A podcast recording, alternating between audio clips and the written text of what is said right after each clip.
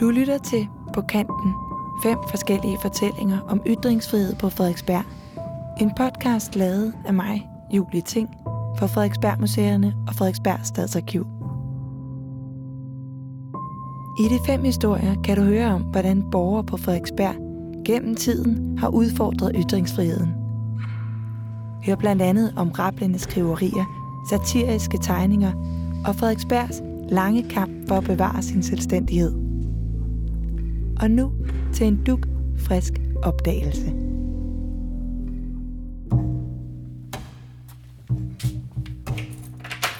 Så det også kommet ned og fornøje her. Vi er på vej ned i arkivkælderen under Frederiksberg Rådhus. Her er visestadsarkivar Lars Skreiber Pedersen kommet på sporet af den mystiske mand Erik Ramdal, som siden 1935 arbejdede en årrække på kommunens socialkontor. For dejligt. Protokoller, arkivalier og ikke mindst arkivstøv. Ramdal var lidt af en personlighed. Han havde en farverig fortid, som blandt andet skuespiller, rejseleder og bager.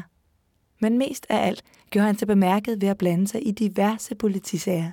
Ramdal er jo en huseløjerlig størrelse, en mærkelig mand, vi ikke rigtig kan få hold på, og derfor kalder jeg ham også øh, manden for mørket. Forfatteren Per K. er i dag den person, som ved allermest om Ramdal. I godt 25 år har han prøvet at opklare mysteriet om den mystiske mand. Der fortælles, at han øh, sad meget for sig selv. Han deltog aldrig i juleafslutninger. Han havde også klumpfod på øh, Frederiksberg Rådhus. Kaldte de ham 10 minutter i to, fordi hans fødder ventede sådan 10 minutter i to. Han var den der fedt og nysgerrige. Vimse Bimse kaldte de ham, fordi han var sådan en, der gik og stak næsen i alting. Og ingen vidste rigtigt, hvad det blev brugt til, det der. Han gik og rodede frem. Og han kommer jo så ind, kan man sige, som centrum i århundredets morgåd, og der spiller han jo sin rolle helt perfekt. Århundredets morgåde er ifølge Per K. det uopklarede dobbeltmor, som skete på Peter Bangs vej den 19. februar 1948. Her blev ægteparet Inger og Wilhelm Jacobsen dræbt i deres lejlighed med en lampe. Og der gik ikke mange timer, før parets bedste ven, Erik Ramdal, var på sagen. Han bliver fuldstændig besat af det her dobbeltmord. Han blander sig i efterforskningen. Og politiet siger i deres rapporter, at han er den, der har den største viden om dobbeltmord. Lige pludselig var det Ramdal, der var Mr. Dobbeltmord. Men der sker så det mærkelige. I 1954 at der så en øh, politikommissær, der hedder Dam, som synes, at Ramdal er mærkelig. Og øh, han bliver pludselig selv mistænkt. Så det er den her mærkelige historie med en mand, der bliver besat af en sag, hvor hans bedste venner bliver myrdet. Og så bliver han selv hovedmistænkt i sagen. Ramdals omfattende involvering i dobbeltmordet forhindrede ham ikke i at passe sit job på socialkontoret på Rådhuset. Og det er her, vi finder det næste kapitel i historien om den mystiske mand. Det er jo altid med en vis spænding, at man åbner en æske, som man ikke kender indholdet af. For to år siden var Lars i arkivet for at finde undervisningsmateriale om besættelsestiden. Og her stod han på et usædvanligt kartotek. Kartotek over landsvigere. Prøv at gå hen og se, om vi kan finde det, men der er jo simpelthen arkivkasser. Hold op. Jamen, det er så enormt spændende, fordi jeg vidste sådan set godt, at han gik og rode med noget, fordi den ene af hans venner fortalte mig, at han gik og lavede et arkiv, som ingen rigtig vidste, hvad skulle bruges til. Det er det, jeg har hørt, øh, men jeg har jo aldrig set det. Landsviger, ja. Det er ikke lykkedes mig at finde nogle øh, motiver for, hvorfor han har ført det arkiv. Men øh, man kan sige, at anvendelsen af udtrykket landsviger, det giver jo et præg om, at det i hvert fald ikke har været nogle folk, som øh, den gode Ramdal har været politisk enige med. En sådan registrering af borgere med en anden politisk holdning end ens egen, er ikke noget, en kommunalt ansat normalt beskæftiger sig med. Men Ramdal har altså på eget initiativ taget den opgave på sine skuldre. Arkivet består af sådan omkring 550 små kartotekskort. Her har vi en bunke af dem. Altså det, det er landsviger i Ramdals øjne, og det er nazister og kommunister.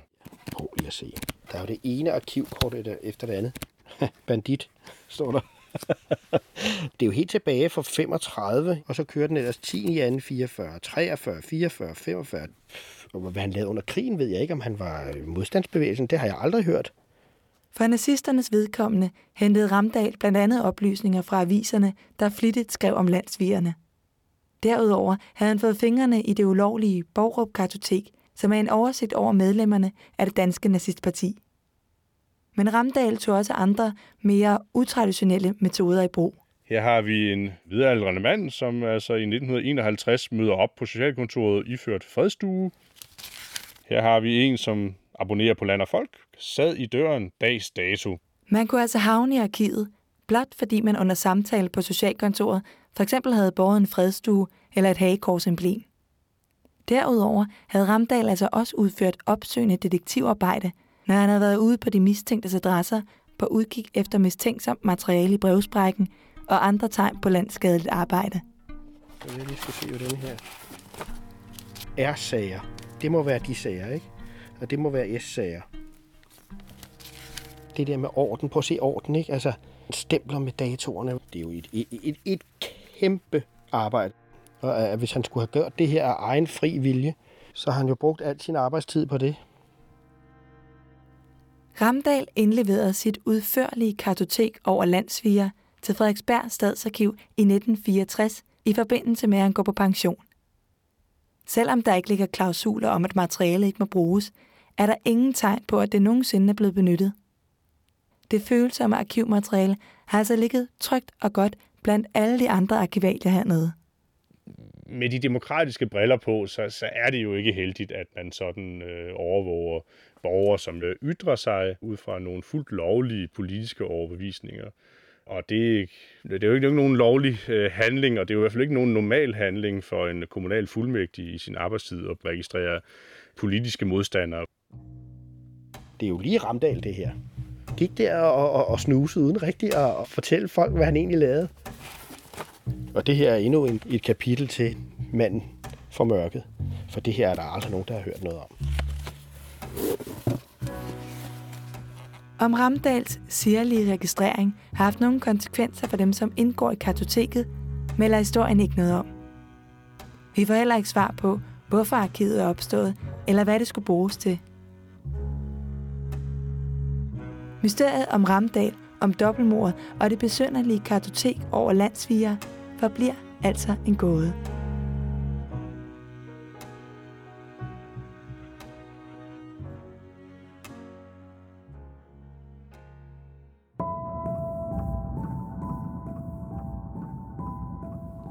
Det var den sidste historie i På Kanten. En podcast lavet af Frederiksberg Museerne og Frederiksberg Stadsarkiv. Jeg hedder Julie Ting og står bag produktionen, og den her historie var fortalt af arkivar Lars Skreiber Petersen og forfatter Per K.